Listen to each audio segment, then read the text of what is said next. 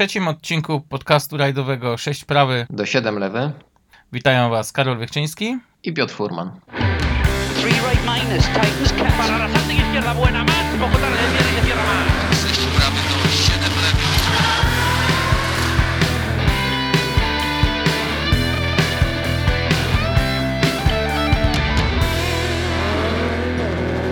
Dzisiaj jesteśmy w wyjątkowo dobrych humorach. e, Zawsze jesteśmy w dobrych humorach. No ale dzisiaj wyjątkowo. E, Kilka godzin temu zakończył się rajd Chorwacji, trzecia runda rajdowych Mistrzostw Świata.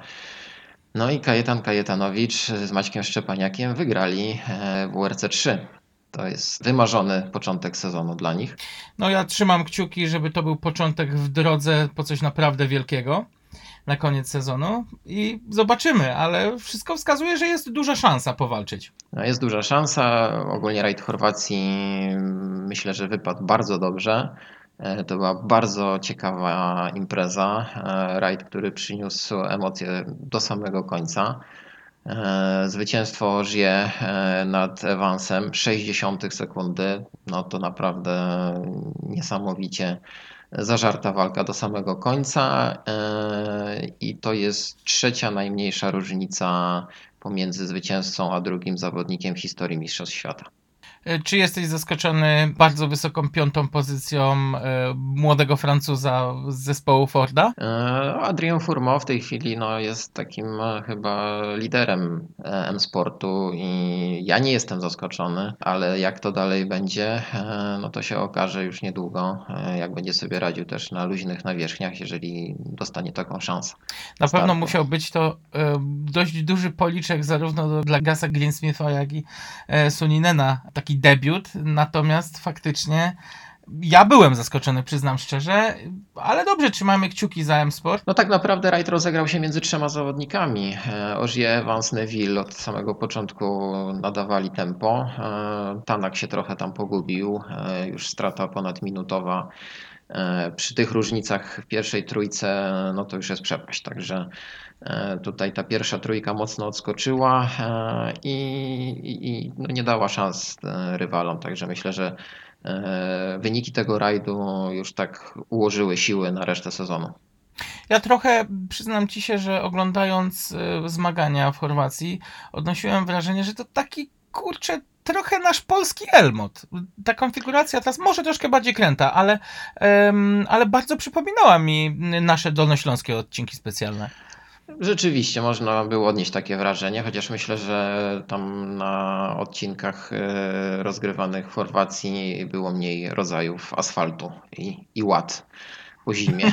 Także, Tak. e, także to tylko takie złudzenie, myślę, było. E, No ale cóż, Ożier e, wygrał ten rajd e, z takim stylu, powiedzmy, no, mało sportowym, bo już wszyscy wiedzą, co się wydarzyło na jednej z dojazdówek.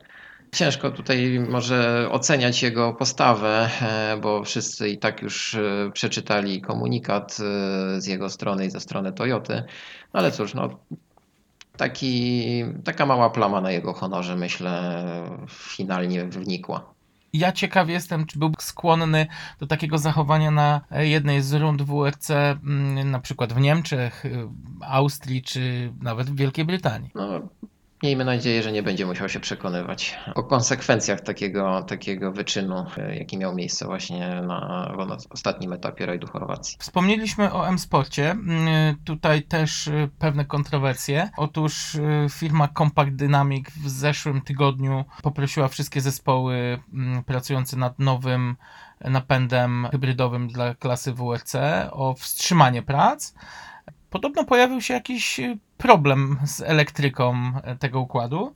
No i oczywiście nie będzie zaskoczeniem, że ludzie z, y, zarówno z Toyoty, jak i Hyundai raczej z dość dużą aprobatą przyjęli możliwość przedłużenia się prac nad nowym samochodem, tak że być może w 2022 roku jednak kontynuować starty konwencjonalnym samochodem. Natomiast bardzo mocno na tą rewelację wypowiedział się M-Sport, którego szef zespołu mm, Richard Millener no, powiedział wyraźnie, że jeżeli w przyszłym sezonie nie wejdą hybrydy i Compact Dynamics przedłuży pracę nad tym układem, to M-Sport wycofa się z Mistrzostw Świata. I to taki meksykański pad dla FIA. Myślisz, że to kwestia y, polityczna, czy bardziej chodzi tutaj o jakieś rozgrywki marketingowe ze, ze, ze strony Forda? Myślę, że to jest taka zasłona dymna ze strony M-Sportu i, i no, wiemy, że każdy zespół poczynił bardzo duże inwestycje i poświęcił mnóstwo czasu i pracy na to, żeby przetestować nowe, nowe zasilanie tych, tych rajdówek, ale niewykluczone, że Ford M-Sport może szykuje coś naprawdę specjalnego. Niewykluczone, że też trwają e, rozmowy być może z jakimś wybitnym kierowcą, który miałby poprowadzić taki samochód. Mówisz tutaj o plotkach dotyczących możliwości zatrudnienia mm, Sebastiana Leba? No, coś takiego udało mi się przeczytać w ostatnich dniach. Mamy zbyt mało informacji na ten temat. To są takie jakieś moje przypuszczenia tylko w tej chwili. Zobaczymy. Sytuacja jest y, naprawdę ciekawa. Ja tylko zastanawiam się, komu bardziej kibicować. Czy e, kibicować temu, żeby układy hybrydowe jednak nie weszły w przyszłym sezonie, czy kibicować no, temu, żeby M-Sport pozostał w rajdowych mistrzostwach świata? Ja jestem przekonany, że M-Sport pozostanie w Mistrzostwach Świata i wejdą układy hybrydowe. 5, 4, 3, 2, 1, Zanim e, zaczniemy dyskusję na temat, który przygotowaliśmy na dzisiaj, wrócimy jeszcze na chwilę do poprzedniego odcinka, ponieważ na naszej stronie facebookowej pod postem e, pojawił się ciekawy komentarz pana Marka Sudera dotyczący e, siedmiobiegowych skrzyń w Sierrach, które były używane też przez kierowców e, prywatnych. E, No, dotarliśmy do ciekawych informacji e, i do osób, które w tym temacie miały trochę więcej do powiedzenia na szczęście.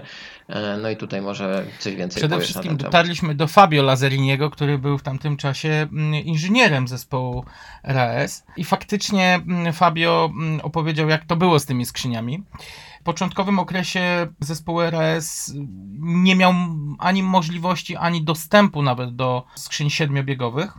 E, Natomiast y, do rasu te skrzynie ściągnął tak naprawdę Patrick Sniers i mm, a w zasadzie jego kontakty, e, a może kontakty jego sponsora z zespołem Forta.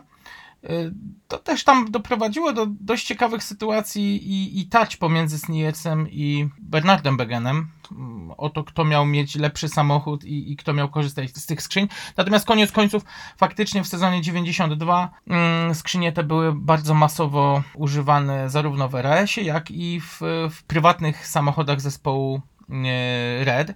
Pod koniec sezonu trafiły również i do e, Mike'a Taylora i do innych satelickich zespołów, które korzystały z podzespołów e, Ford Motorsport. Jeszcze trzeba zaznaczyć, że z taką siedmiobiegową skrzynią e, wystartował właśnie Marian Bublewicz w rajdzie Tak zimowym jest, ta skrzynia 93 roku. faktycznie mm, była w samochodzie. No był to samochód po Patricku Sniejecie, więc on był w topowej specyfikacji, faktycznie był wyposażony w skrzynię siedmiobiegową. Także tutaj mamy temat definitywnie rozstrzygnięty, jeżeli chodzi o te siedmiobiegowe skrzynie. Niestety nie możemy się do końca zgodzić e, z drugim tematem, e, który poruszył pan Marek, mianowicie z tym, że e, Marian Bublewicz nie wystartował w rajdzie zimowym z powodu braku wahaczy. E, Tutaj też e, przeprowadziliśmy kilka rozmów i dotarliśmy do takich informacji, które jednak zaprzeczają, e, jakoby, że z powodu braku wahaczy to auto nie było gotowe do rajdu zimowego. Znaczy przede wszystkim te wahacze, bo pan Marek powiedział, że one były problemy z homologacją. Te wahacze były homologowane, bo Escort już był homologowany przecież przed rajdem Monte Carlo i który był na końcu stycznia, więc auto pojechało, wszystkie Fordy pojechały no, w pełnej specyfikacji, a kolejna modyfikacja elementów zawieszenia była bodaj 3 miesiące później, więc, więc to nie była kwestia problemów z homologacją czy dostępności tych wahaczy. Mm, Natomiast faktycznie zespół Forda borykał się w tamtym czasie z dystrybucją i z dystrybuowaniem e, przekładni pomiędzy zespołami satelickimi, ale też i doszło do takiej sytuacji, że e, podobno na rajd Monte Carlo tych skrzyni nie było na tyle, że gdyby mm, coś zaczęło się dziać w samochodach fabrycznych z przekładniami, to no, mogłoby być nieciekawie, więc e, skrzynie skrzyniami, a mm, wahacze to zupełnie inna rzecz. Poza tym, no też mechanicy zespołu Mariana potwierdzają, że chodziło o skrzynię. Definitywnie będziemy podtrzymywać właśnie wersję, że powodem absencji Escorta, Escosworta na rajdzie zimowym był brak skrzyni, ale jesteśmy bardzo wdzięczni panu Markowi Sudarowi e, za ten komentarz, ponieważ no, jeszcze więcej dzięki temu mogliśmy dowiedzieć się na temat e, Forda Sierra, jak i, i startów tego samochodu poza zespołem fabrycznym. I przede wszystkim dziękujemy za czujność, bo to też bardzo miłe, że ktoś nas czujnie słucha i e, kontroluje to, o czym mówimy. Big sharp, left 24 Titans wins, right 24 Titans enter. Remember where I stop hairpins, right 26, left 26 Titans. The field, remember down here, remember, hairpins, right 26, left 26 Titans. mind the- O czym dzisiaj będziemy rozmawiać?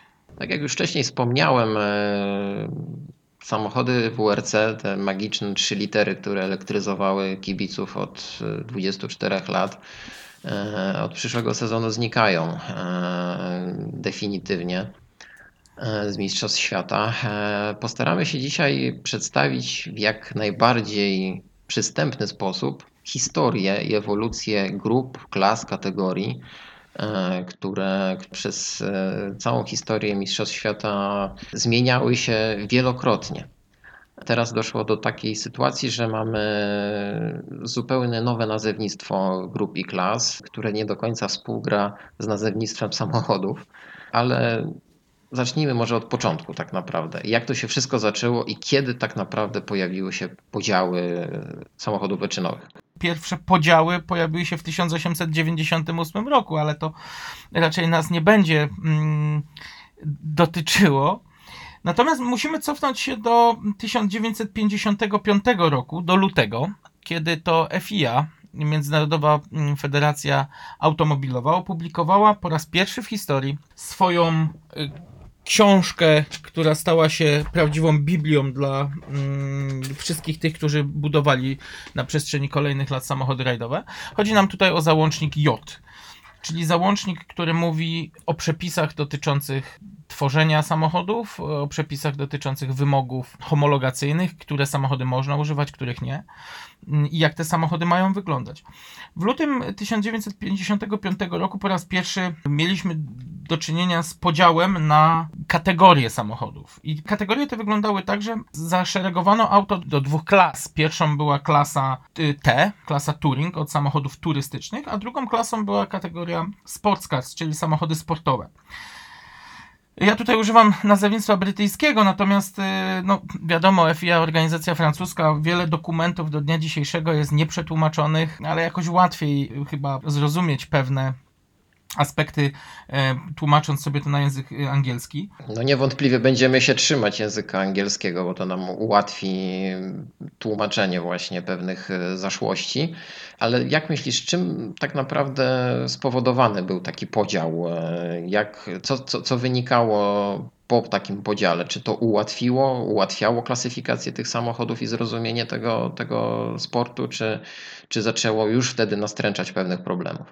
Znaczy ja podejrzewam, że na pewno y, kłopoty by- były przede wszystkim dla producentów z racji wymagań. Natomiast głównym celem powstania załącznika J było usystematyzowanie mm, rywalizacji sportowej. No, dochodziło do tak absurdalnych sytuacji jak przedwojenne rajdy Monte Carlo, w których y, z samochodami turystycznymi czy samochodami sportowymi w rywalizacji brały udział autobusy.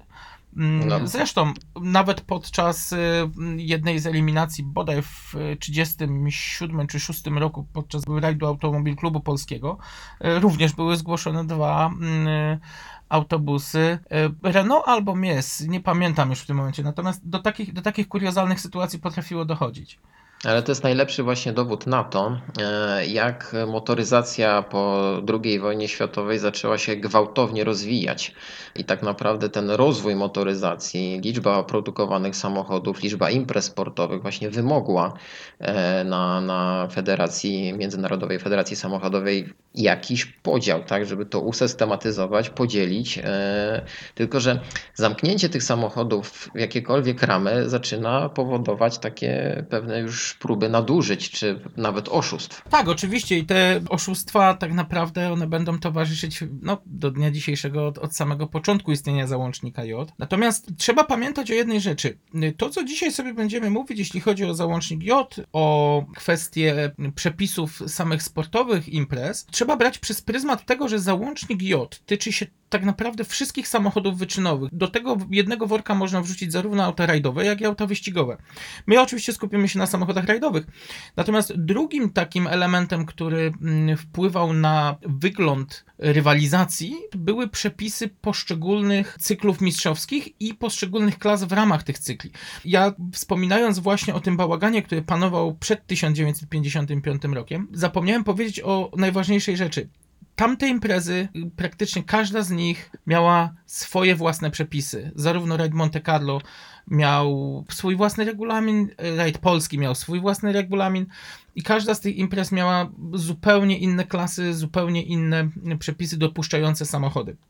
W 1955 roku znormalizowano to, co tak jak wspomniałeś, stało się solą wokół przede wszystkim dla producentów, bowiem w klasie Touring, w której były włączone trzy grupy, była to grupa pierwsza i były to auta produkcyjne, wymagane było yy, stworzenie tysiąca sztuk samochodu fabrycznego, żeby móc w ogóle wystartować w yy, imprezie yy, pod auspicjami FIA tu też jest taka ciekawostka, y, bo te 1000 sztuk tyczyło się samochodów y, o pojemności powyżej 1000 cm3, o pojemności skokowej 1000 cm3. Natomiast dla samochodów poniżej 1000 cm3 ta liczba już y, oscylowała na przestrzeni lat między 600 a 650 egzemplarzy. Grupa druga, natomiast w klasie Touring, były to samochody GT, samochody sportowe, budowane w krótkich seriach, e, auta bardzo często już fabrycznie przystosowane do sportu,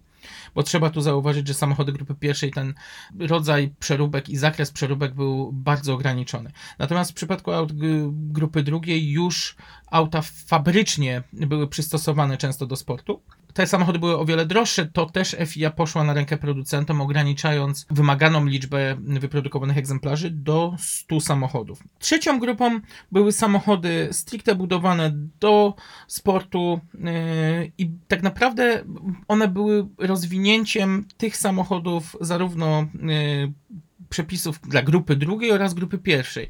Natomiast, natomiast tutaj już nie było mm, żadnych wymaganych ilości minimalnych samochodów.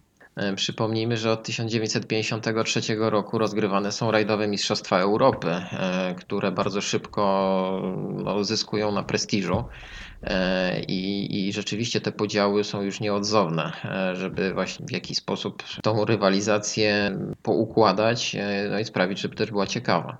Dokładnie tak, z tym, że warto zwrócić uwagę, jak absurdalnie podchodzono w tamtym czasie do kwestii rywalizacji sportowej, bo w żadnej z tych trzech grup nie była brana pod uwagę klasa pojemnościowa ani y, masa własna samochodu, więc y, tak naprawdę no absurd. Kolejną kategorią y, w ramach tego podziału była kategoria S, czyli samochodów sportowych. I tutaj były kolejnie dwie grupy tej kategorii. Była to grupa czwarta, do której wchodziły samochody wyścigowe i samochody mm, budowane do wyścigów drogowych, bo no, Niestety o rajdach jeszcze wtedy nikt tak nie myślał, żeby budować auta rajdowe stricte z przeznaczeniem, ale były to samochody oparte o bardzo krótkie serie i FIA wymagała w przeciągu 12 miesięcy wyprodukowania 25 egzemplarzy. E, piątą grupą była Dzisiaj moglibyśmy powiedzieć grupa Open, do której wrzucano wszystkie prototypy samochody Voituret, czyli auta GP, e,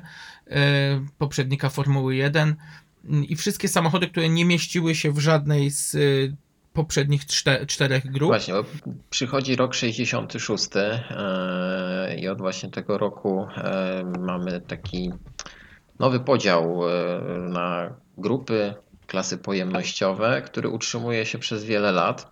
Tutaj od początku tak naprawdę już zaczynają się pewne takie problemy z takim, no może oszustwami to za dużo powiedzia- powiedziane, ale takimi nadużyciami w ramach tych przepisów. E, W rajdzie Monte Carlo dyskwalifikowane są e, wszystkie mini Morisy z powodu użycia reflektorów z żarówkami jodowymi, czyli takimi pierwowzorami żarówek halogenowych obecnych i coraz częściej mają miejsca dyskwalifikacje i, i jakieś takie no, widoczne próby oszustw naciągania tych przepisów.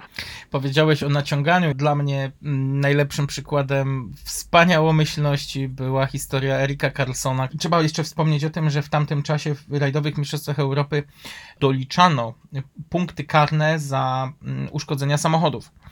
Czyli samochód przed wyruszeniem do, do rajdu był sprawdzany przez komisję, no tak jak to jest dzisiaj na badaniu kontrolnym, i był zapisywany stan samochodu przed wjazdem na rampę startową. Po rajdzie mm, ta sama grupa komisarzy oglądała samochód, dopisując punkty za każde uszkodzenie. Sprytny Eric Carlson, mm, wiedząc o tym, przed startem do jednego z rajdów, wziął gumowy młotek i całego swojego saba poobtukiwał z każdej możliwej strony, tak żeby uniknąć punktów karnych za wgniecenie na nadwozie. Czyli chciał uniknąć punktów karnych za powstanie wgnieceń. Tak, no raczej chyba nikt nie miał możliwości liczyć y, wgnieceń na centymetrze No kwadratowym właśnie auta. tutaj ciekawe jak e, sędziowie na to patrzyli, ponieważ no, definitywnie samochód jednak był uszkodzony.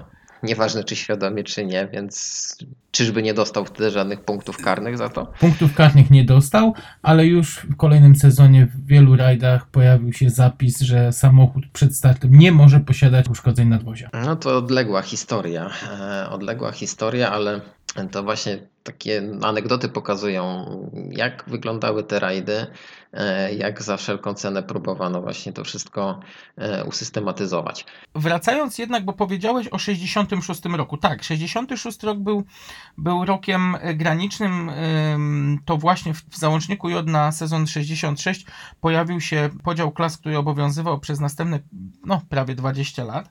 Natomiast jeszcze musimy cofnąć się do 61 roku, gdzie nastąpiła pierwsza rewolucja, bowiem do tej, tego podziału na grupę T i grupę S dopisano klasy pojemnościowe.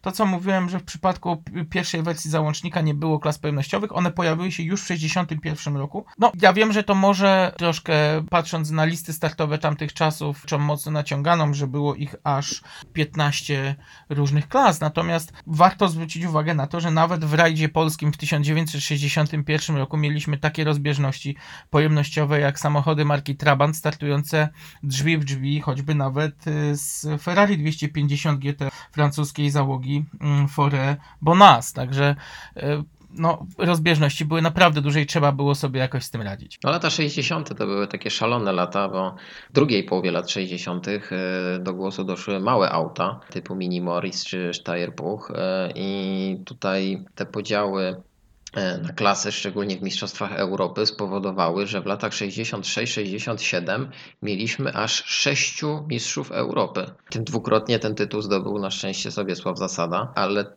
to chyba był taki sygnał, że e, zbyt skrupulatnie te podziały następują e, i, i, i te, te klasy, grupy e, zaczynają rządzić tym, tą rywalizacją na rajdowych trasach. Bardzo szybko z tego zrezygnowano, bo już od 68 roku już mieliśmy jednego mistrza, mistrza Europy, ale jakieś plusy jednak tych, tych grup i klas są, ponieważ dzięki temu w mistrzostwach, jeszcze wtedy nie w mistrzostwach świata, bo to był 72 rok, klasę drugą w rajdzie Monte Carlo wygrywa polski Fiat. Robert Mucha e, prowadząc polskiego Fiata e, 125P zajmuje 24 miejsce w generalce, wygrywa klasę, potem ten sukces powtarza Andrzej Jaroszewicz w rajdzie Akropolu.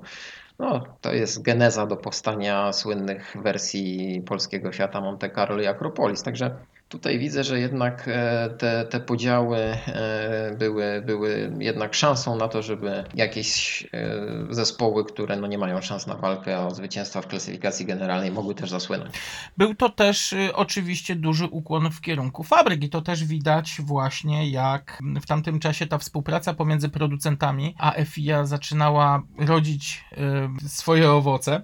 I tą eksplozję sportu rajdowego było też widać w postaci przepisów, bowiem Już, tak jak wspomnieliśmy, w 1966 roku, po zmianie załącznika J, skategoryzowano samochody wyczynowe na trzy kategorie. Kategorie A, B i C. Do kategorii A zaliczały się cztery grupy tym razem.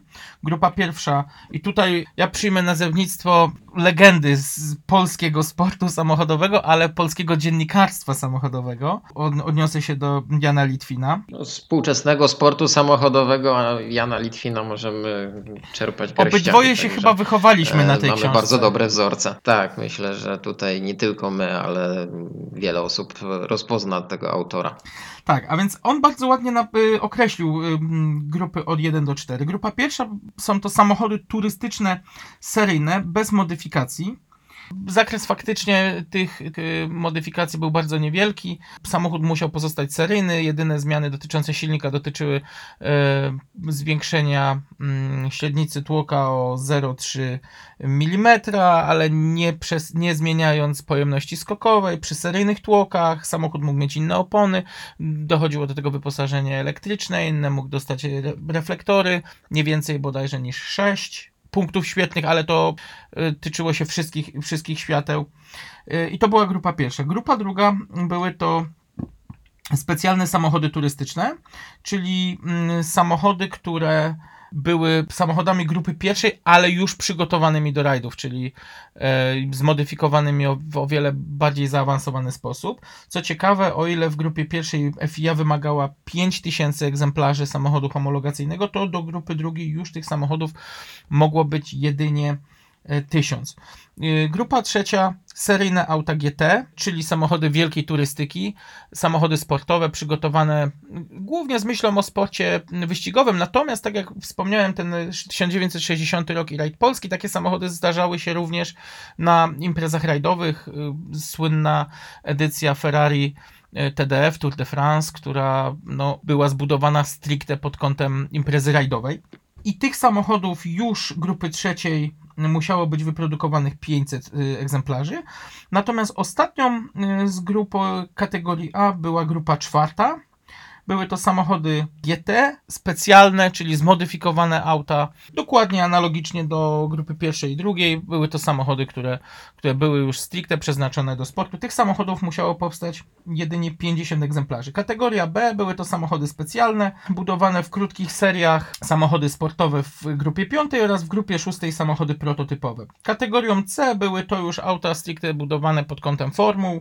Y, Grupa siódma, dwuosobowe samochody wyścigowe, do tego worka później wrzucono wszelkiego rodzaju serie Canam, samochody prototypowe. Y, Grupa ósma y, były to samochody y, wszelkich formuł, do tego zaliczała się Formuła Ester, później Formuła Polonia, e, jak również Formuła druga czy Formuła Ford mm, oraz Formuła 1. Grupa dziewiąta była to Formuła Libre, twór, który dzisiaj tak naprawdę jest już kompletnie nieznany. Samochody o mm, bardzo liberalnych przepisach, z dużymi silnikami. Od tego momentu, właśnie od tego wprowadzenia tego podziału, o którym mówisz, yy, mam wrażenie, że technologie i rozwój motoryzacji yy, naprawdę ruszyły z kopyta.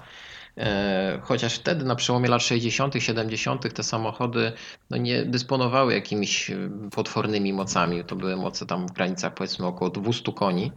Yy, To jednak już wtedy zawodnicy e, tak jakby osiągnęli kres, to znaczy chcieli więcej, może tak to powiem.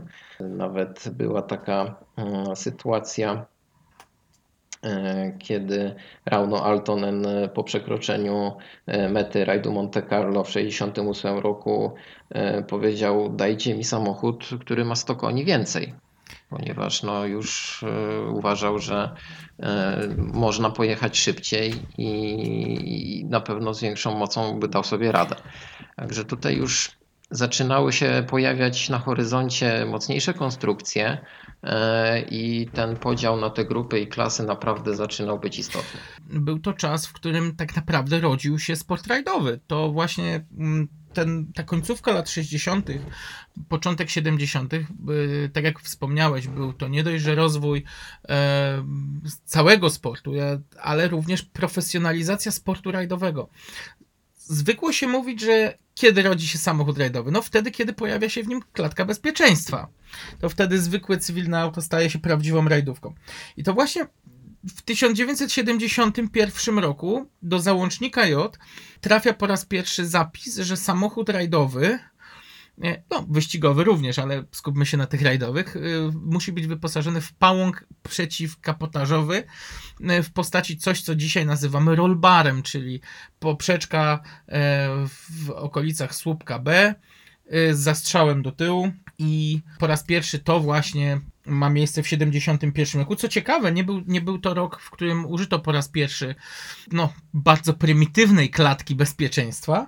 Mianowicie już w 1964 roku e, John Ali e, zainstalował po dość ciężkim wypadku, bodaj na torze Brands Hatch e, w swoim Fordzie Anglia, zainstalował właśnie pałąk antykapotażowy który na początku no, był wyszydzany, natomiast wielu kierowców później e, bardzo pozytywnie wypowiadało się i popyt na, na tego typu konstrukcje sprawił, że John Ali założył e, już w 1965 roku firmę, która nazywała się początkowo Ali Bars, czyli pałąki Aleja, a później ewoluowała w e, dobrze znaną dzisiaj firmę Safety Devices. No Ja zawsze będę powtarzał, że nic e, tak nie rozwijało się i ewoluowało jak systemy poprawiające bezpieczeństwo w rajdach samochodowych, ogólnie w sporcie samochodowym. To prawda i tak samo ciekawostką jest y, rok później od pojawienia się klatek bezpieczeństwa w załączniku J, bo już w 72 roku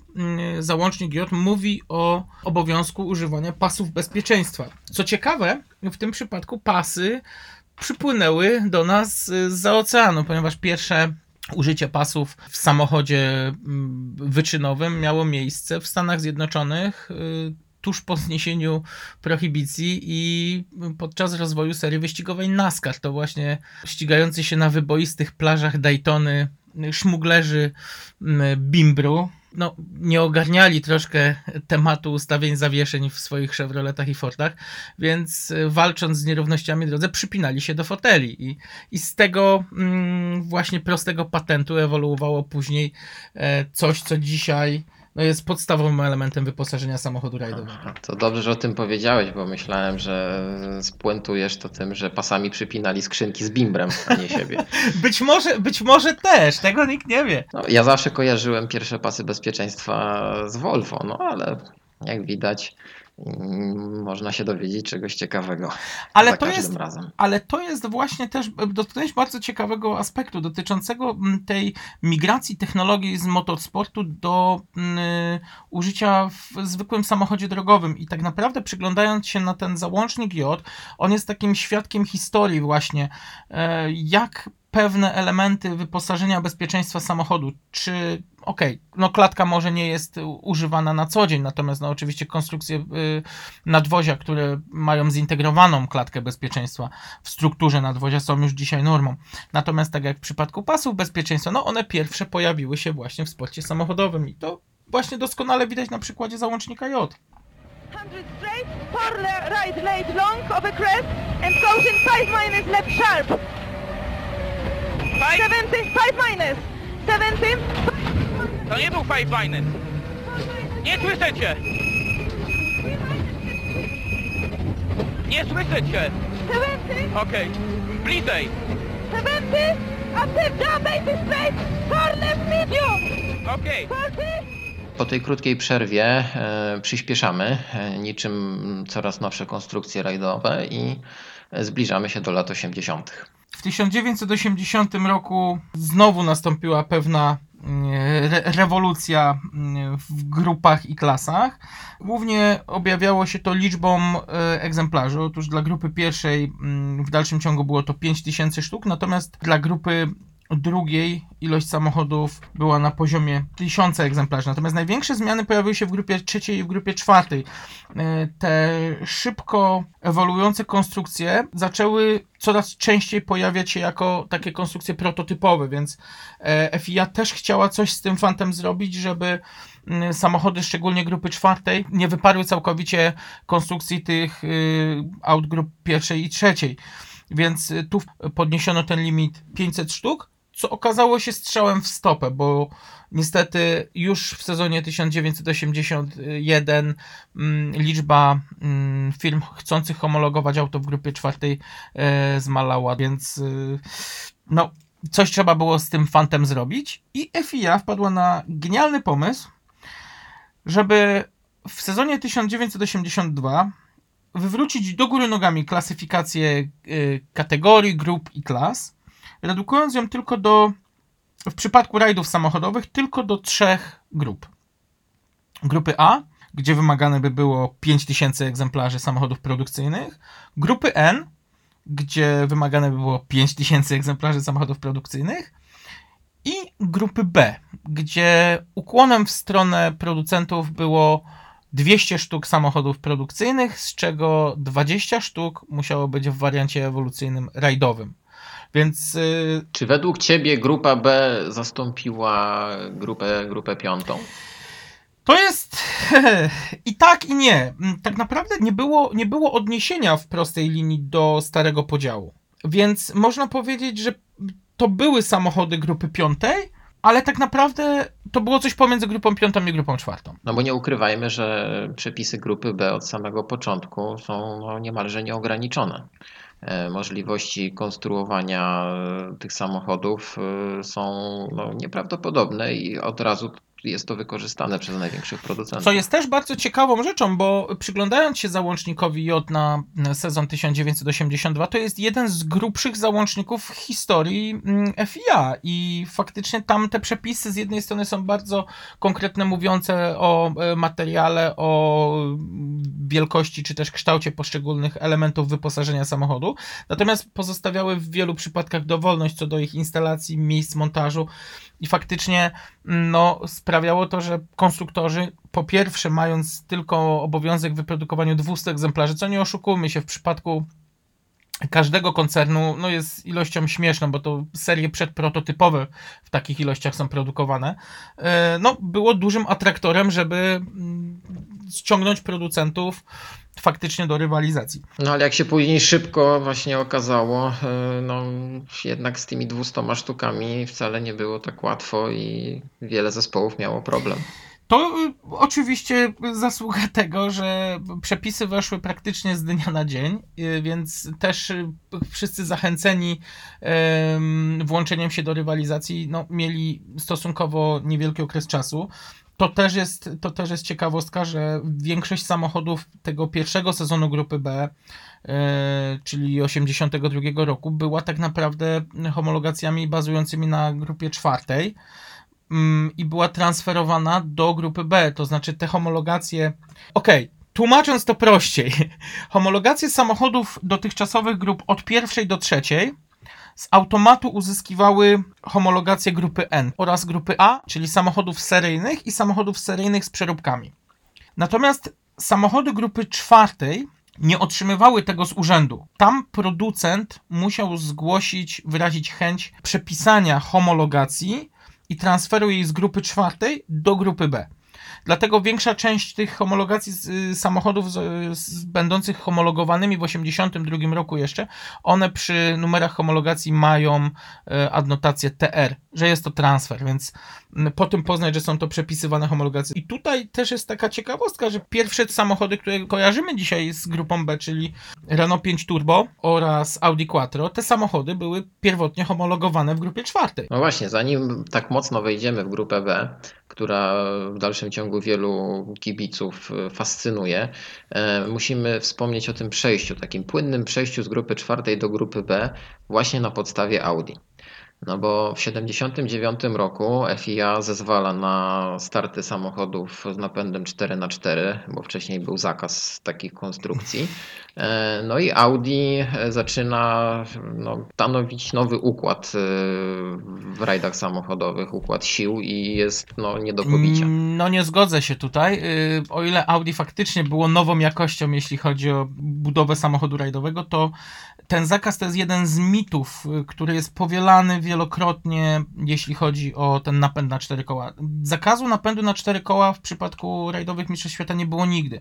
Nie było go nigdy również w przypadku mistrzostw narodowych. Najlepszym przykładem są występy Subaru Leone z napędem na cztery koła, y, czy nawet y, występu amerykańskich kowbojów w konstrukcjach pokroju Ford Bronco w rajdach zaliczanych do mistrzostw świata, takich jak Presson Regardless. No, ale wiesz, to jednak w dalszym ciągu uważam, że te rajdy rządziły się troszeczkę swoimi prawami, szczególnie w Stanach Zjednoczonych, y, gdzie filozofia motorsportu wygląda zupełnie inaczej. No jednak ten y, napęd Quattro no nie był stosowany. Nawet mało tego, nie licząc tego epizodu z Subaru, mało kto się y, był w stanie odważyć, żeby wprowadzić coś takiego. A Audi tutaj tak jakby wykorzystało tą furtkę daną przez FIA i wprowadza ten napęd i to wprowadza go naprawdę z wielką pompą. Audi wykorzystało y, niesamowite połączenie, jakie dawał napęd na cztery koła i y, system turbodoładowania silnika. I tak naprawdę był to pierwszy samochód, i to było nowum, y, wyposażony jednocześnie w napęd na cztery koła i bardzo mocny turbodoładowany silnik.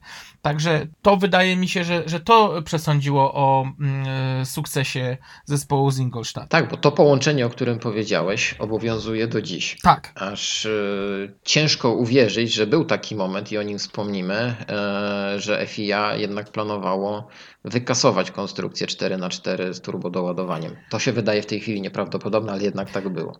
na przestrzeni lat FIA miało dużo różnych dziwnych pomysłów, co, jest, co już było ciekawostką po wprowadzeniu w 1982 roku grupy B i po pierwszych egzemplarzach y, Peugeota 205 Turbo 16 z 84 roku, bo to był pierwszy samochód tak naprawdę, który w pełni wykorzystywał y, te pryncypia grupy B, tą, tą absolutną wolność, która, e, którą FIA dawała producentom.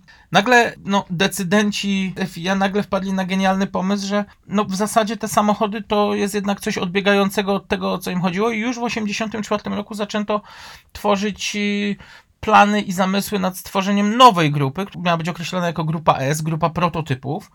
Bo tak jak powiedziałeś względem grupy piątej, ona została skasowana gdzieś wrzucona do jednego worka z grupą B, a i nagle okazało się, że no, to nie jest to, o, o co im chodziło, więc już zaczęto myśleć na temat grupy, grupy S. O tej grupie tak naprawdę bardzo niewiele wiemy, bo e, do dnia dzisiejszego nie zachowały się y, żadne ani zamysły koncepcyjne, jakie samochody tam miały jeździć. Jeszcze więcej narosło mitów w związku z tym, więc y, no niestety. Natomiast y, tu mówiąc jeszcze o grupie B mm, i o tym, co powiedziałeś, jeśli chodzi o homologowanie poszczególnych egzemplarzy, te 200 egzemplarzy faktycznie było bardzo problematyczne dla wielu producentów. Wspomniany Peugeot choćby nawet, dziś już po tylu latach można to powiedzieć. Budując serię mm, samochodów drogowych, też no nie, nie pogrywał zbyt uczciwie. Y, Na końcową serię bodaj 30 samochodów y, składano w obecności e, oficjeli z którzy kontro, kontrolowali liczbę 200 egzemplarzy. I tak naprawdę zamiast 30 tych ostatnich egzemplarzy stworzono tylko 10 aut, które podobno przejeżdżały przez linię produkcyjną mm, i miały po prostu wycinany fragment klatki bezpieczeństwa, ten, tej, na której był nabijany numer nadwozia samochodu drogowego. I jeszcze z mokrą farbą te auta przejeżdżały przez, przez stanowiska mm, włodarzy z FIA, naliczając je podwójnie, potrójnie, więc do takich różnych rzeczy dochodziło. Ja tutaj muszę mm, przytoczyć, mam przed sobą rzecz, która mnie za każdym razem y, wprowadza w y, zachwyt mm, i naprawdę wywołuje radość na y, mojej twarzy. E, Mam przed sobą pismo sygnowane nagłówkiem Komenda Stołeczna Milicji Obywatelskiej w Warszawie. E, Jest to mm, element, który znajdziemy w homologacji B-grupowej y, Poloneza 2000. A na tym piśmie możemy znaleźć no, rzecz przecudowną. Zaświadczamy, że specjalna grupa KSMO zakupiła z FSO 227 sztuk samochodów Polonez 2000 dwudrzwiowe. Wszystkie te samochody w wersji standardowej wyposażone są w plastikowe przednie błotniki, maskę silnika, pokrywę bagażnika oraz drzwi i posiadają boczne i tylną szybę ze szkła organicznego. Oczywiście jest y, angielska adnotacja do tego. Menadżer, porucznik Jarosław Kościuszko. Z władzą się nie dyskutuje, jednym słowem. No, taki, taki dokument e, rzeczywiście na pewno usprawnił proces homologacyjny Poloneza. Zdecydowanie. Ile tylko tych faktycznie B-grupowych polonezów powstało, to podejrzewam, że garstka ludzi tylko wie. No, tutaj akurat jeszcze w przypadku nadwozia trzyżwiowego to już w ogóle są to znikome, znikome liczby tych samochodów. Ale właśnie, ale tak y, wiedząc, że interesujesz się bardzo i jesteś wielkim fanem grupy B i praktycznie wiesz y, o tych samochodach wszystko, y, czy jest chociaż jeden producent, który wywiązał się z tego zapisu regulaminowego i wyprodukował rzeczywiście 200 takich bazowych y, samochodów? Tak, mm, zdecydowanie tak. Zrobiła to Lancia. Powiem więcej, są producenci, którzy wyprodukowali więcej niż 200 egzemplarzy. Jednym z nich był Ford e, z modelem RS200, a drugim było Metro. Z tym, że w przypadku tego ostatniego y, tak naprawdę nikt nie wie, ile zostało wyprodukowanych egzemplarzy, bowiem ówczesny dyrektor zespołu y, fabrycznego wpadł na jakże genialny pomysł, że no, jeszcze można na tym coś zarobić i e, no, ocierając się o kryminał, w zasadzie dotykając kryminału, e, dublował nadwozia, ukrywając e, zduplikowane nadwozia i całe kompletne samochody mm, w systemie tuneli pod fabryką e, Longbridge. No, sprzedawał je później do różnych krajów, tak, w taki sprytny sposób, żeby te samochody miały bardzo niewielkie, niewielką możliwość spotkania się na jednej imprezie. No niestety, jak to mówią, sprawa się rypła, bardzo nieprzyjemnie się to dla niego skończyło. Natomiast y, faktycznie tych samochodów Metro y, powstało ponad 200 sztuk, tak samo jak i Fordów y, RS200. Audi z modelem S1 też było samochodów więcej niż 200 wymaganych sztuk, plus nawet te 20 egzemplarzy y, rajdowych, bowiem znając ten proces certyfikacji Audi i mm, model S1, oprócz 200 egzemplarzy drogowych y, Sport Quattro, y, zbudowano prawdopodobnie 7 bądź 10 różne, różne wersje mówią o, o różnej ilości samochodów y, testowych, które zostały po prostu zniszczone w crash testach i y, w, w próbach drogowych. Powiedzieliśmy o oszustwach, e, które miały już miejsce na etapie produkowania samochodów e, bazowych wymaganych regulaminem, no ale przecież wiemy, że no, już podczas rajdów, w rajdówkach też nie, nie, nie było takiej prawdziwie czystej rywalizacji No, grupa, między producentami. Grupa B dawała duże możliwości do tego mm,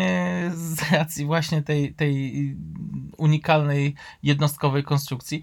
E, No tak, już nawet debiut Audi Quattro jest y, rajdowy debiut, bo nie mówię tutaj o, o rajdzie Algarve, ale mm, y, mówiąc o rajdzie Janer, już y, można mówić o tym, że tam wiele rzeczy jest nie, nie tak, jak powinny być, mianowicie przyglądając się zdjęciom samochodu, e, no wszystko wskazuje na to, że były użyte dwa samochody. Później działo się to samo podczas rajdu Safari, więc takich rzeczy jest cała masa. Do tego dochodzą jeszcze kwestie do, dotyczące samego szprycowania samochodów pod tlenkami azotu, kwestie dotyczące...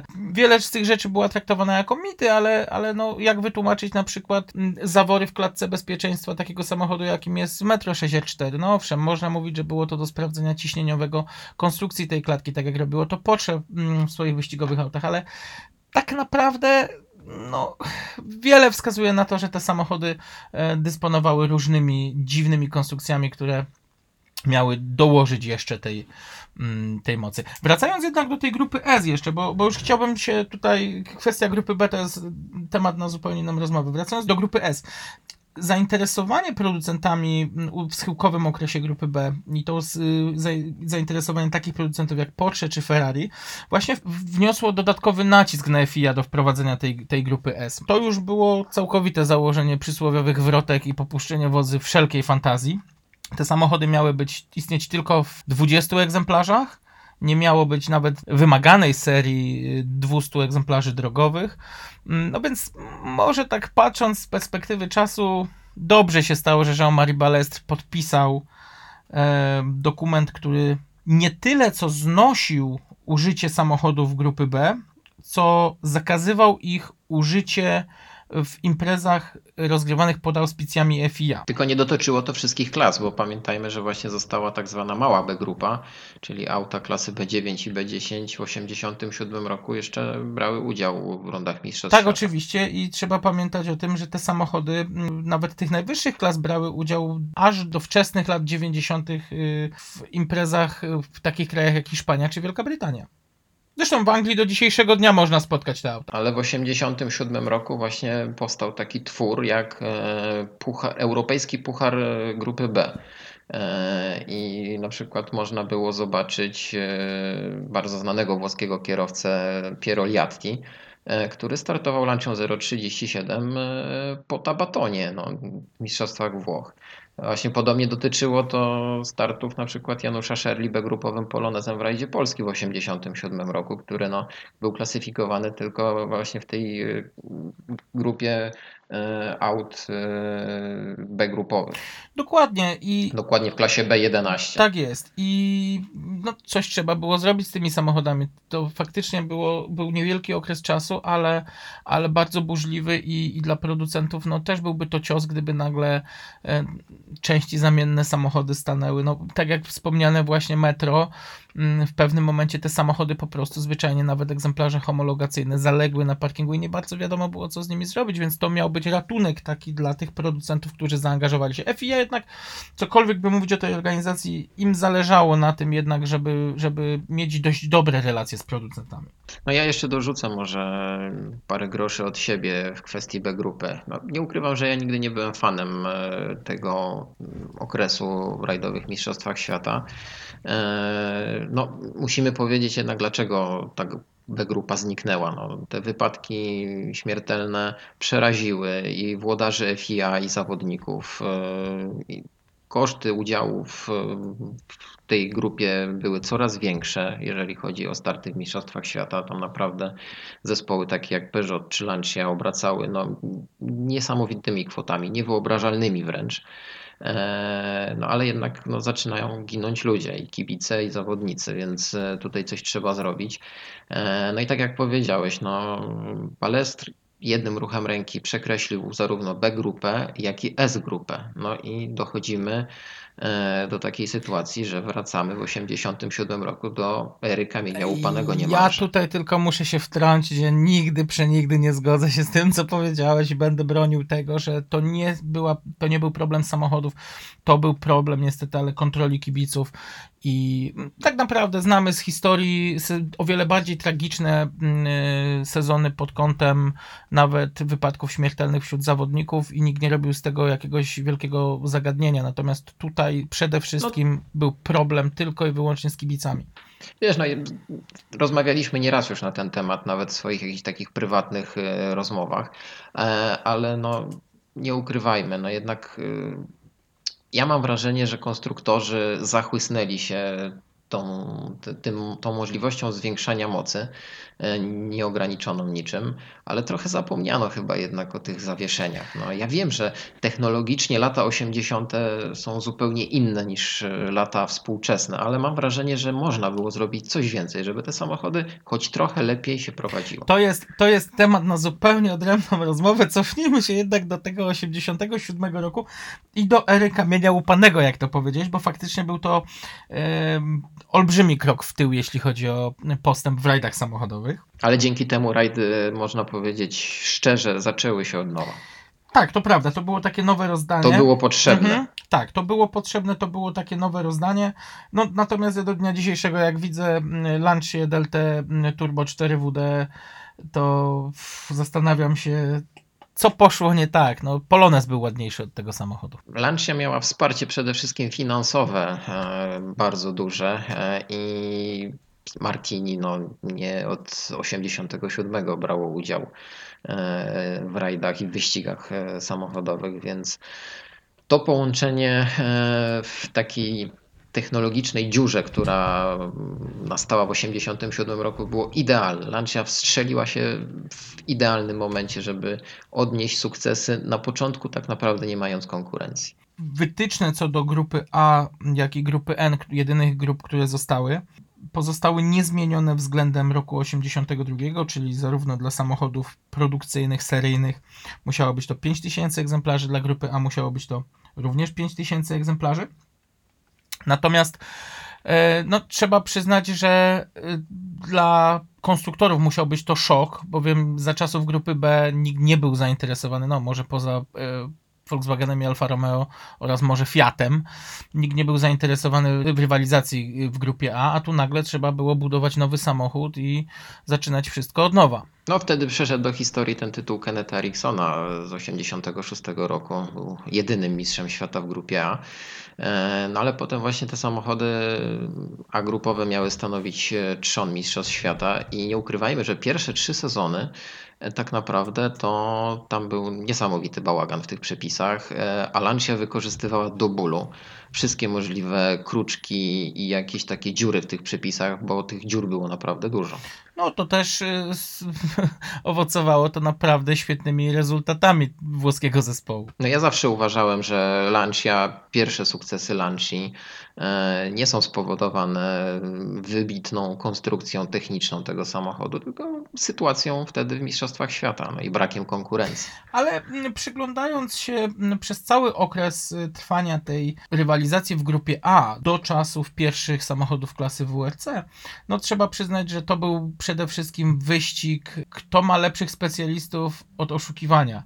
Popatrz na aferę turbinową. Tak, mówisz o aferze to, Toyoty, Tak. tak. z 1995 roku na rajdzie, na rajdzie Katalonii. tak, tak. E, tak, ale to już powiedzmy, że to jest schyłek A-grupy. E, A-grupa mm, tak naprawdę wcale nie powoduje obniżenia kosztów. Te koszta znowu rosną. E, Z roku na rok e, te samochody stają się coraz lepsze.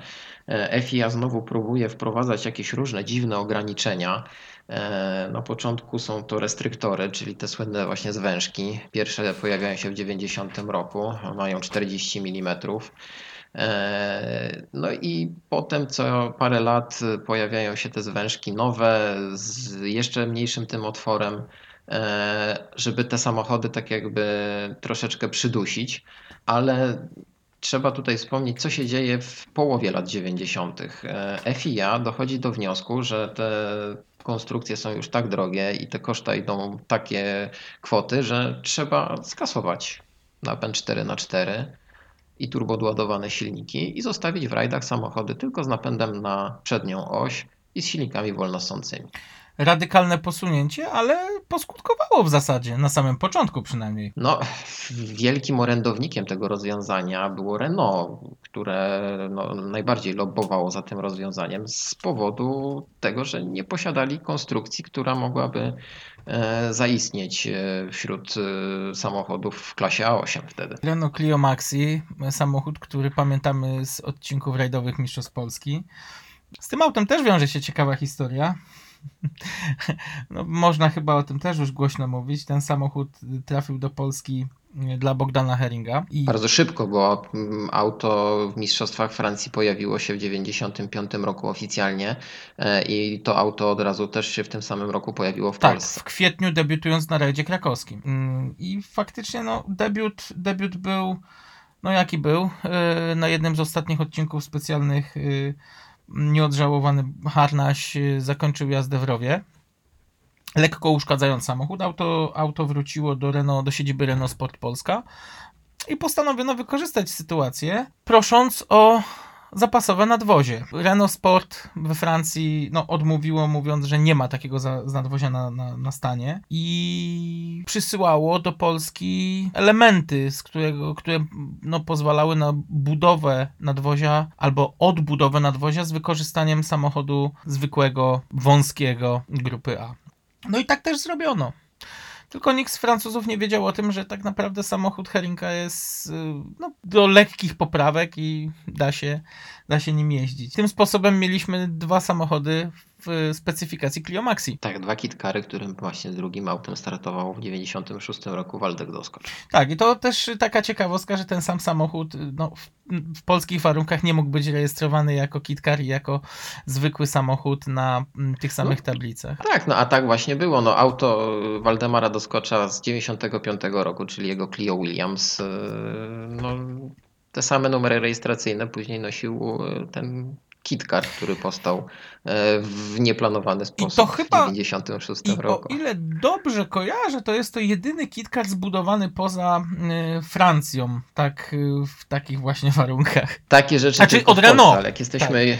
e, Tak, ale jeżeli jesteśmy już na polskim podwórku, ja bym jeszcze tutaj chciał e, napomknąć o takiej trochę zapomnianej grupie N, e, bo te samochody były bardzo dobrą alternatywą właśnie dla A-grup z powodów kosztów. E, I pierwsza połowa lat 90. to jest e, wielki naprawdę boom na te samochody w Polsce. E, Pojawiają się najnowsze japońskie konstrukcje. W 92 w Nissana Sanny wsiada Robert Herba, w Mitsubishi Galanta Wiesławstec.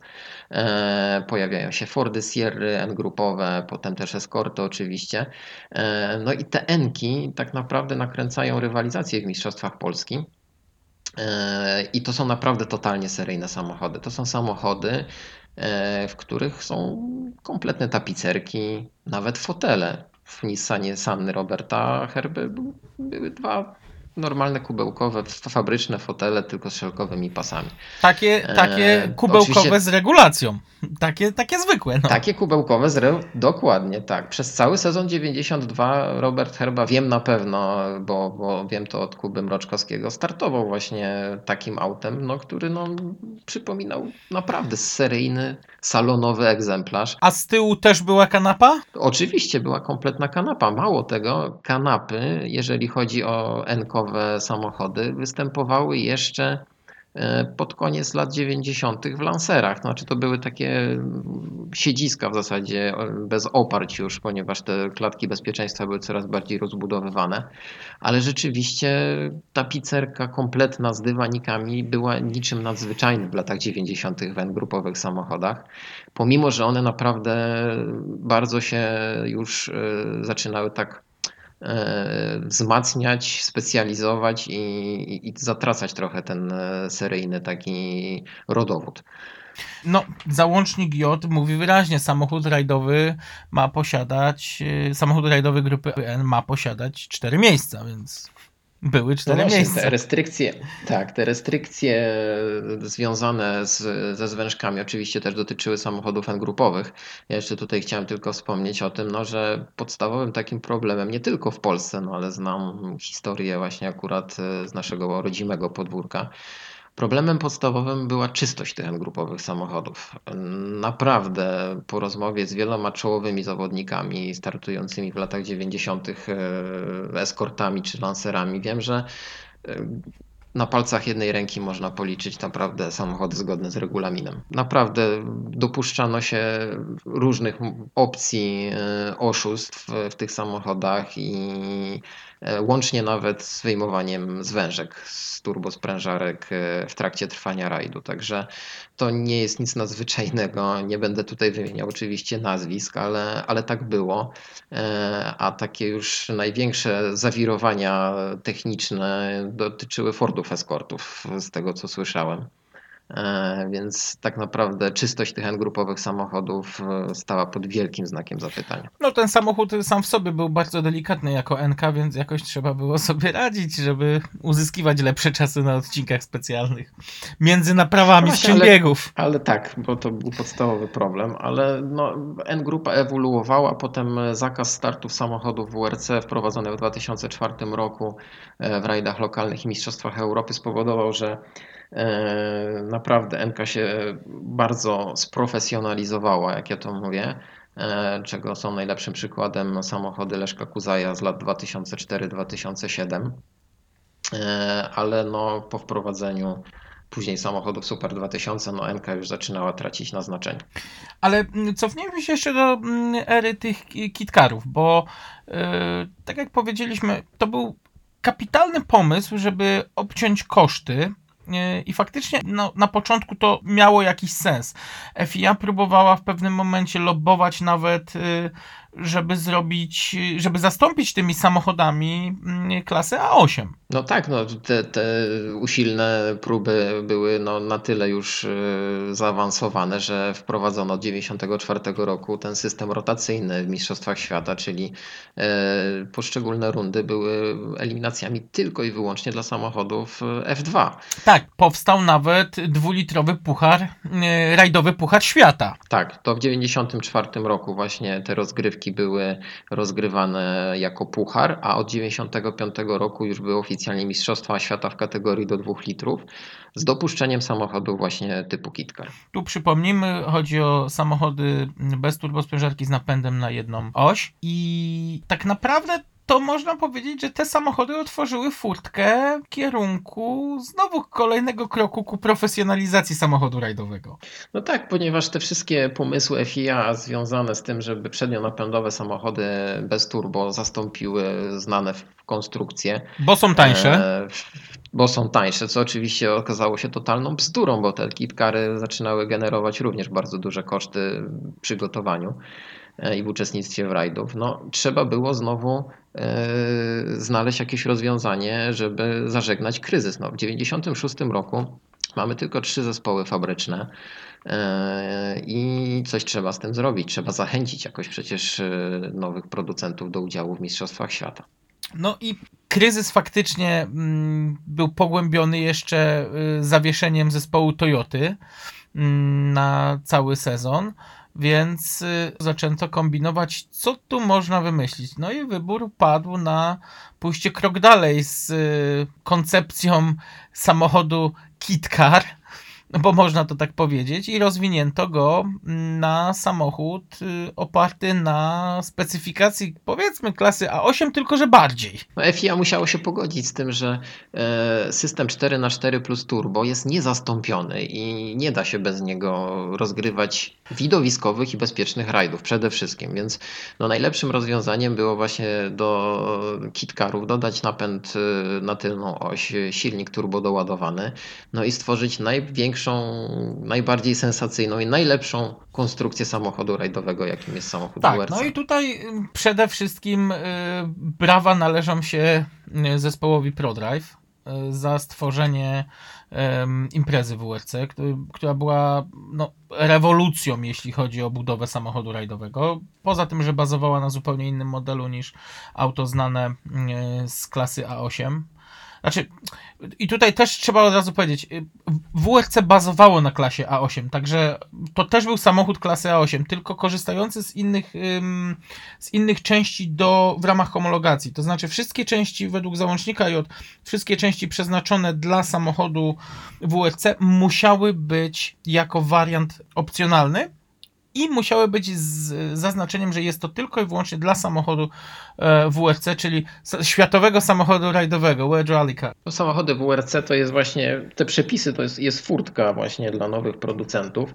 E, No i tutaj może powiedzmy jeszcze o tych takich e, obostrzeniach, w zasadzie to może za dużo powiedziane, obostrzeniach, ale wymaganiach, e, jakie FIA postanowiło, postawiło przed e, producentami, czyli o tych samochodach, o, o liczbie bazowej tych samochodów i z, jakich samochodów one musiały Tak, się bo wywodzić. trzeba powiedzieć, że w, w 1993 roku znowu, by zachęcić y, mm, do udziału innych nowych y, producentów, FIA y, zmniejszyła liczbę wymaganych egzemplarzy homologacyjnych z 5000 do 2500 egzemplarzy.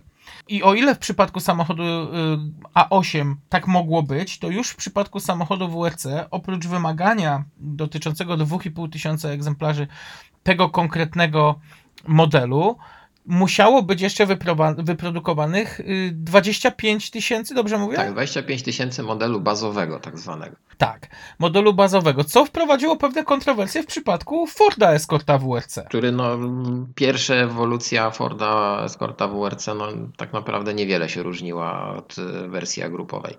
Natomiast y, jak to kiedyś liczyliśmy, y, Cosworthów powstało coś ponad 6 tysięcy egzemplarzy? No mniej więcej. Jakoś, jakoś tak, mniej więcej. E, Więc no, daleko było do tych 25 tysięcy wymaganych, więc no, ale tutaj wydaje mi się, że skorzystano z tej furtki, że, że wrzucono po prostu to do mm, koszyczka z napisem Fortesco. Ja tego nie uważam- Nie, niezależnie do tego, jakie Dokładnie, ja auto. tego nie uważam za jakieś nadużycie. Moim zdaniem dużo większym nadużyciem e, był, e, e, było dogadanie się Peugeota z FIA, e, jeżeli chodzi o tą finalną, minimalną długość samochodu WRC. Ponieważ przepisy samochodu WRC zakładały, że model bazowy, na którym powstaje auto WRC, nie może być krótszy niż 4 metry. No, ciekaw jestem, jak czuli się tutaj Hiszpanie ze swoją No Ibizą, właśnie. która też była pierwszym prototypem dla auta Tak, WRC. Ibiza, Seat y, w prostej linii chciał rozwinąć y, projekt Ibizy Kitcar na auto WRC, no ale właśnie Bardzo udany bardzo zresztą. udany, ale właśnie tutaj powstał problem tej długości samochodu. Peugeot z kolei wybrnął z tego. Jako francuski zespół dogadał się z francuskim FIA, można tak powiedzieć. E, Francuski syndrom. E, Tak. e, I, I ogólnie przepis nagle się zmienił na korzyść Peugeota. To znaczy, że chodziło o to, że gotowy samochód WRC e, nie może być krótszy niż 4 metry. E, No i rzeczywiście ten napompowany 206 e, WRC spełniał tą, ten nowy, nowy zapis w regulaminie no i zdominował Mistrzostwa Świata. Najzabawniejsze dla mnie było to, że mimo napompowanych zderzaków model GT w dalszym ciągu dysponował napędem na przednią oś. No, dla mnie to właśnie najbardziej było takie denerwujące, że te bazowe samochody, nawet najmocniejsze, na których powstawały samochody WRC, miały tylko napęd naprzód. No, to samo się dotyczyło przecież Forda Focusa. Ale to też, to też pokazuje, jak te samochody WRC już w pewnym momencie zaczęły kręcać na bok. One niby bazowały pod y, przepisy mm, klasy A8, ale jednocześnie gdzieś już szły swoim własnym torem, no bo na początku lat 90. nie do pomyślenia było y, zbudować auto w klasie A8, nie mając odpowiednika z napędem na cztery koła. No, ale tutaj musimy jeszcze powiedzieć, e, no dobrze zaznaczyłeś, że właśnie te samochody WRC ewoluują, idą swoją drogą, no ale zostaje tutaj tak e, pod koniec lat 90. jeden outsider w postaci Mitsubishi, który zawziął się i produkuje w dalszym ciągu swoje rajdówki w klasie A8. No, tutaj sytuacja była dość ciekawa. Zespół Mitsubishi nie operował na takich samych zasadach jak wszystkie inne teamy biorące udział w rajdowych mistrzostwach świata. Był to zespół, który oficjalnie był zarejestrowany jako mm, firma badawczo-rozwojowa. Więc y, oni pośrednio przez taką działalność wywarli zarówno na FIA, jak i na konkurentach możliwość używania w dalszym ciągu samochodu homologowanego stricte jako samochód klasy A8, bazującego na tych starych, dobrych wytycznych dla, dla tej klasy. E, A tak naprawdę powód był prozaiczny. Aż do 2001 roku Mitsubishi wzbraniało się przed homologacją e, auta WRC, bazującego na wytycznych WRC z jednego prostego powodu. Samochód klasy WRC wymagał użycia czterech kolumn McPhersona. E, Podczas gdy w klasie A8 zawieszenie musiało być homologowane takie, jakie było w modelu drogowym. A no, Mitsubishi korzystało z układu wielowahaczowego, co według inżynierów Rally Art UK miało mieć przełożenie na czasach na odcinkach specjalnych. No i poniekąd jakieś tam przełożenie było. No ewolucja z 2001 roku no, naprawdę już niewiele ustępowała samochodom WRC. Zawsze się zastanawiałem, czy to talent Tomiego Makinena, czy, czy konstrukcja tego samochodu e, jest w stanie utrzymać i nadążać za samochodami WRC. No i popatrz, co się stało po wprowadzeniu tej nieszczęsnej e, CEDI, przemianowanej na Lancera mm, i, i, i dysponującej już czterema kolumnami McPhersona, e, że no, gwiazda trzech diamentów troszkę przyblakła. No, tutaj proponowałbym opuścić zasłonę milczenia na ten temat. Rozmawialiśmy już zresztą e, o tym, wiemy jak to się skończyło. Ja tutaj teraz chciałbym jeszcze zaznaczyć, że już właśnie tak na początku XXI wieku e, wraca podstawowy problem. Znowu rosną koszta. Znowu rajdówki są coraz droższe, znowu koszt udziału w Mistrzostwach Świata jest, jest tylko dla wybranych. Owszem, lata 2000-2003 to są rekordowe liczby zespołów sta, sta, stających na, na starcie rund Mistrzostw Świata, e, ale znowu trzeba no, tak jakby zabezpieczyć przyszłość. No i co, co FIA robi w przypadku rund y, rajdów lokalnych, tak, dla kierowców y, pozafabrycznych. Mówisz o wprowadzeniu regionalnego samochodu rajdowego? Tak, tylko że zanim e, powstał ten dziwaczny twór o nazwie RRC, powstaje samochód Super 2000. To jest ciekawa konstrukcja. Tak, ale ja tutaj jeszcze, y, mnie się wydaje, że pierwszym takim, pierwszym jaskółką y, tego liczenia funduszy i, i, i patrzenia na wydatki y, było wprowadzenie w 2001 roku mm, klasy Super 1600. E, Tak, klasa Super 1600, rozwinięcie aut typu KitKar, e, które pojawiły się w 1997 roku. Z jednej strony rozwinięcie, z drugiej strony zwinięcie. Te samochody miały być tańsze. Tak, no ale tutaj znowu mamy tak ten problem, który się powtarza i powiela od wielu, wielu lat. Tego się nie da uniknąć, ja zawsze powtarzam. Rajdy były, są i zawsze będą drogim sportem, więc te wszystkie próby ograniczenia kosztów to są tylko e, takie no, doraźne próby na jakiś tam okres czasu. Potem to i tak się zawsze wymykało spod kontroli i właśnie mamy do czynienia z takimi różnymi dziwnymi tworami typu właśnie Super 2000 czy samochody RRC. Okej, ale wróćmy do tych Super 2000, bo to też, jest, y, to też jest ciekawa historia, bo te samochody tak naprawdę nie mają rajdowego rodowodu. No, ale jednak się pojawiają. Pojawiają się moim zdaniem z wyniku tego, że w 2004 roku FIA, tak jak wspomniałem wcześniej, e, zabrania startu samochodów WRC w Mistrzostwach Europy i w rajdach lokalnych i tak naprawdę zostają nam samochody grupy N e, i samochody Super 1600. No, nie ukrywajmy, ale te rajdy wyglądają nędznie. E, Ani nie są widowiskowe, ani nie przyciągają tłumów kibiców na, na odcinki specjalne. No coś trzeba z tym zrobić, tak? No i tutaj pojawia się właśnie pomysł Out Super 2000. I, I z pomocą tu znowu przyszły wyścigi samochodowe, bo klasa Super 2000 pierwsze pojawiła się już pod koniec dw- 2003 roku w wyścigach samochodowych w, w brytyjskiej serii BTCC. I tak naprawdę ona technicznie y, opisywała tylko i wyłącznie układ przeniesienia napędu, znaczy silnik oraz y, biegów. Y, Gdzie ten silnik, no, wytyczne były bardzo proste. Silnik y, ma być y, atmosferyczny, o pojemności 2000 cm3. Bazowy model, znowu tak jak w przypadku samochodu gru- A8, ma być ich 2500 egzemplarzy w ciągu 12 miesięcy. E, Silnik ma mieć restryktor, ale tym razem na obroty. e, 8500 tysiąca dla e, silnika czterocylindrowego. Przypadku samochodów wyścigowych musiał być b- taki samochód wyposażony w s- sześciobiegową skrzynię sekwencyjną bądź pięciobiegowy manual. W przypadku aut wyścigowych napęd tylko na jedną oś, natomiast w przypadku rajdówek już e, dopuszczono napęd na cztery koła. Auto musiało mieć, tak jak w przypadku aut WRC, zawieszenie oparte na czterech kolumnach Mac- i pozbawione jakiejkolwiek elektroniki mm, wspomagającej, czy aktywny dyferencjał, czy pracę Tak, samochody miały dwa, dwa dyferencjały tylko. tak, natomiast najważniejszą rzeczą było cięcie kosztów. Taki, koszt takiego samochodu nie mógł przekroczyć 168 tysięcy euro. No, oczywiście to się bardzo szybko mm, okazało no, nierealne do, do, do, do wykonania. E, Samochody Super 2000, pomimo że pojawiają się w 2006 roku e, w rajdach samochodowych, e, najpierw e, Fiat przedstawia Punto w tej wersji. Potem jest długo, długo nic. Nieśmiało wchodzi Peugeot, który dominuje tą grupę samochodów.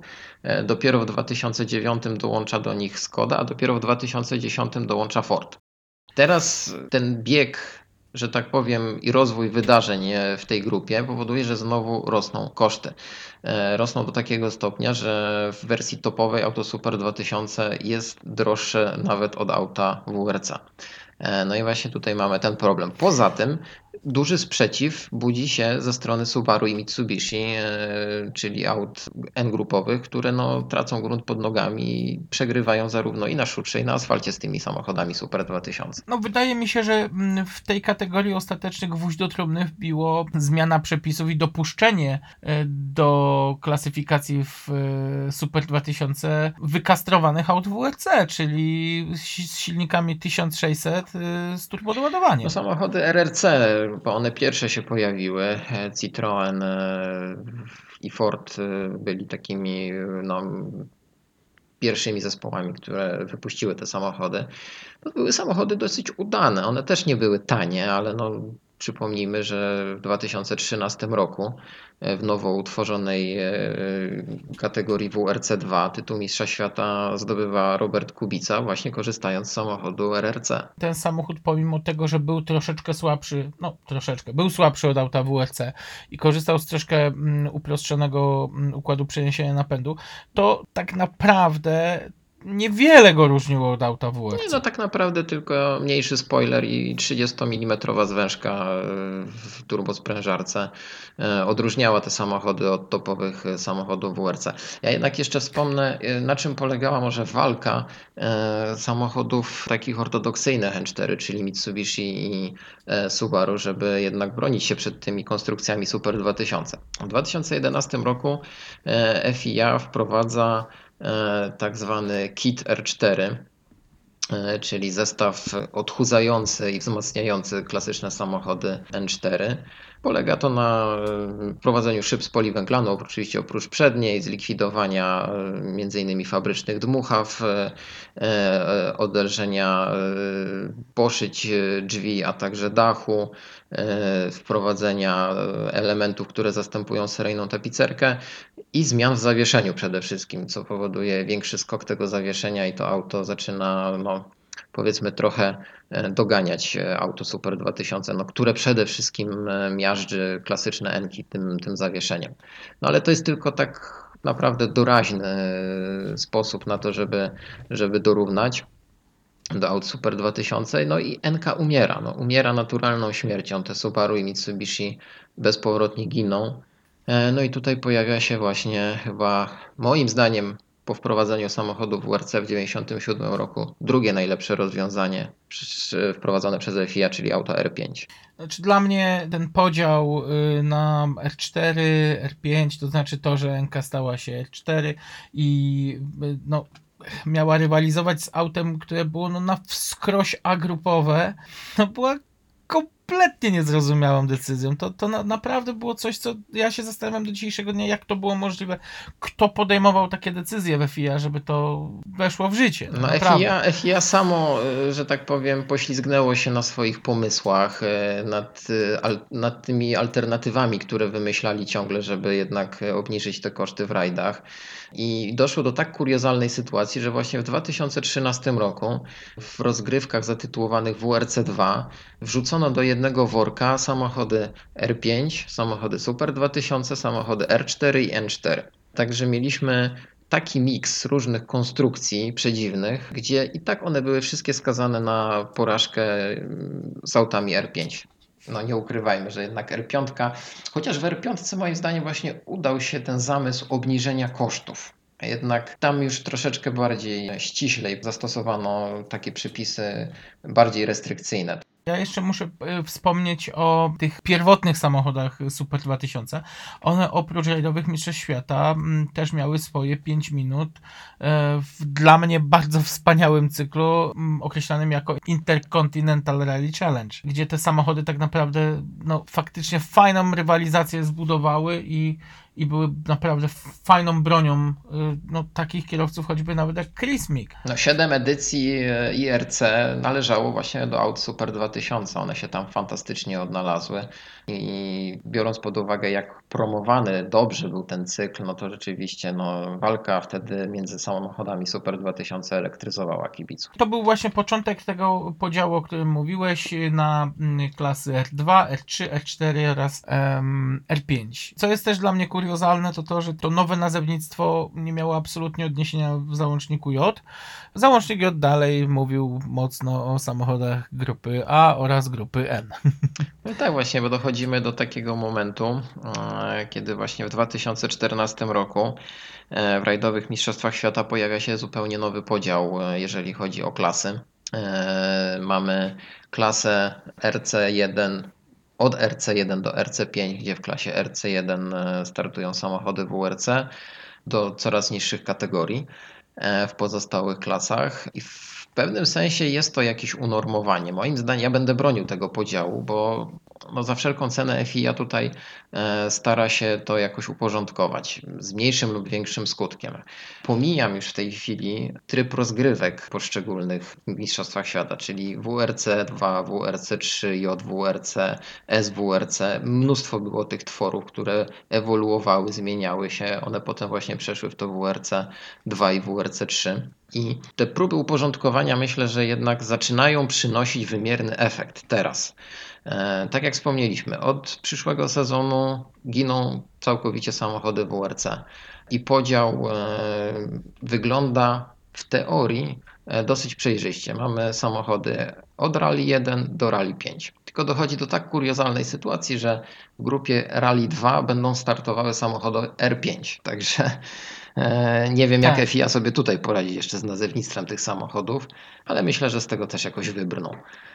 Podsumowując, bo tu warto zrobić takie grube podsumowanie mm, tych trzech generacji samochodów World Rally Car, czyli światowych samochodów rajdowych. Pierwsza generacja od dziewię- 1997 do 2010 roku. Dwulitrowe samochody z turbodoładowaniem i napędem na cztery koła. ze zwężką 34 mm. Moim zdaniem najlepsze konstrukcje, najbardziej I najlepsze lata chyba WRC tak naprawdę. Tej klasy, tak. Tak. W 2011 roku zmieniamy przepisy. One miały właśnie się dopasować do, do klasy Super 2000 i później do tych samochodów regionalnych. I to właśnie wtedy nastąpiła zmiana na 1600, prawda? Tak, silniki 1600 ze zwężką 33 mm, e, brak aktywnych dyferencjałów, e, brak możliwości wykorzystania elektrohydraulicznej e, zmiany biegów skrzyni sekwencyjnej. E, No, I o ile dobrze pamiętam, jeszcze chyba było ograniczenie ciśnienia do ładowania do 2,5 bara, co miało ograniczać bardzo mocno moment obrotowy tych samochodów. Bo tu warto jest jedną rzecz powiedzieć. Z każdą ewolucją samochodów grupy A mieliśmy bardzo mocny przyrost momentu obrotowego. Nawet niekoniecznie mocy, bo porównując y, konstrukcję y, grupy B, gdzie te moce oscylowały tam w okolicach 500, 550 czy nawet 600 koni, te samochody nigdy nie dysponowały tak olbrzymim momentem obrotowym, jakie jakim dysponują nawet współczesne WRC. no dwulitrowe WRC potrafiło no, mieć moment obrotowy nawet w granicach 600 Nm. No właśnie, współcześnie ten limit jest tam e, bodajże 400, chyba 450 Nm. No tak, tylko że w tych nowych samochodach WRC, które pojawiły się w 2011 roku, e, największa rewolucja miała miejsce w zawieszeniach. No, skok zawieszenia No, oczywiście. e, ciągle rósł e, i, i te auta były tak wydolne trakcyjnie, tak niesamowicie się prowadziły, że jak pamiętam pierwszy raz zobaczyłem te nowe samochody WRC właśnie w Finlandii, no byłem w szoku, no bo tam gdzie wcześniej poprzednie WRC odrywały się od ziemi i latały, no te auta miały w dalszym ciągu kontrolę e, i kontakt z podłożem. W 2017 roku mamy kolejną zmianę przepisów dotyczących klasy WRC i tam chyba była zmiana zwężki, o ile dobrze pamiętam. Tak, zwężka, z- jak dobrze pamiętam, 36 mm, ale no najważniejszą zmianą był ten pakiet aerodynamiczny, który spowodował, że te rajdy znowu stały się tak widowiskowe. I chyba, o ile dobrze kojarzę, to jeszcze tam była jakaś zmiana masy samochodu. Chyba o jakieś 30 kg ten samochód został uzależniony. E, no tak, no to, to było takie założenie e, FIA, żeby spowodować, żeby te samochody były bardziej widowiskowe. E, Moim zdaniem to było bardzo dobre założenie e, ze strony włodarzy Federacji Samochodowej, ponieważ e, był taki moment, że no, dla mnie rajdy znowu nabrały takiego kolorytu i, i znowu zacząłem się bardzo fascynować tymi autami, rywalizacją na rajdowych trasach. E, Bo nie ukrywam, że od sezonu 2001 do sezonu 2016, pomimo tej dominacji Volkswagena i Sebastiana Ogier, e, no, rajdy straciły dla mnie na, bardzo na znaczeniu. Tak, to rozdanie mm, kart sezonu 2017 było takim troszkę analogicznym ruchem jak y, ten z 82 roku i ukłon w stronę producentów prowadzeniem grupy B. Tylko niestety, patrząc tak y, historycznie, to eksperyment wykonany, lecz niestety nieudany, bo mm, faktycznie Czy przyciągnęło to więcej producentów do cyklu? Nie bardzo. No niestety nie, no maksymalnie mieliśmy cztery zespoły, które wyprodukowały nowe samochody WRC. Po odejściu Citroena zostało trzy e, i tak naprawdę z tych trzech musimy się w dalszym ciągu cieszyć. Nie będę tutaj nawet e, silił się na to, żeby wytłumaczyć, e, dlaczego tak się dzieje, bo mam swoje zdanie na ten temat, ale to jest naprawdę temat na oddzielny odcinek. E, ale uważam, że rajdy w obecnej formule, w obecnym kształcie, jaki znamy, będą umierać i nie wiem, jakie radykalne zmiany mogłyby poprawić tę sytuację. No nie jest to na zakończenie mm, tego odcinka najlepszy prognostyk, muszę przyznać. E, Brzmi to bardzo smutno, ale całkowicie podpisuję się pod tym, co powiedziałeś. Niestety ja też nie widzę mm, dzisiaj żadnego sensownego rozwiązania i szczerze mówiąc nie uważam, żeby te hybrydy przyniosły coś dobrego. Nie, nie sądzę, żeby któryś z producentów był zainteresowany powrotem do Mistrzostw Świata. Nie wiem, no może się mylę, może wróci Subaru, może zainteresuje się któryś z zespołów takich jak, nie wiem, Kia, oby, ale, ale jakoś marnie to widzę, szczerze mówiąc. No jedno jest pewne, auta WRC definitywnie schodzą ze sceny rajdowych Mistrzostw Świata. I to nie tylko chodzi o to, że zginą te trzy literki magiczne, e, ale te konstrukcje aut Rally 1, e, które będą obowiązywać od przyszłego roku, e, no naprawdę będą dalekie od tego, co obserwujemy teraz. No, te auta będą jednak bardziej przypominały te R5. E, Tak jak też już wcześniej wspomniałem, tam nie będzie centralnego dyferencjału, będzie mocno okrojona aerodynamika. No i, i cóż, no, trzeba się pogodzić chyba z tym, że znowu e, ten sport ewoluuje, może niekoniecznie w dobrą stronę, e, ale no, miejmy nadzieję, że przyszłość jednak przyniesie jeszcze jakiś ratunek dla naszej ukochanej dyscypliny.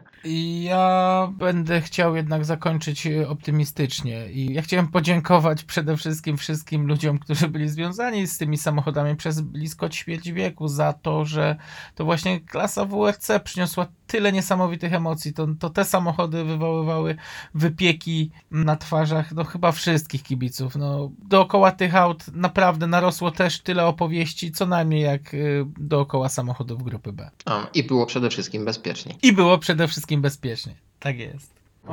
Stage is clear for Markus. No i chyba tym akcentem zakończymy e, naszą rozmowę. Moglibyśmy rozmawiać pewnie jeszcze wiele godzin na ten temat, ale nie będziemy Was zanudzać. Dziękujemy serdecznie za czas, który nam poświęciliście. No i zapraszamy na następny odcinek. Zapraszamy na następny odcinek. Obserwujcie nas e, w social mediach. Jesteśmy na Facebooku, na Instagramie. E, Znajdziecie nas e, wpisując 6P do 7L. Komentujcie, oceniajcie i kontaktujcie się z nami. Do usłyszenia za dwa tygodnie. Do usłyszenia. Three right minus, Para izquierda poco.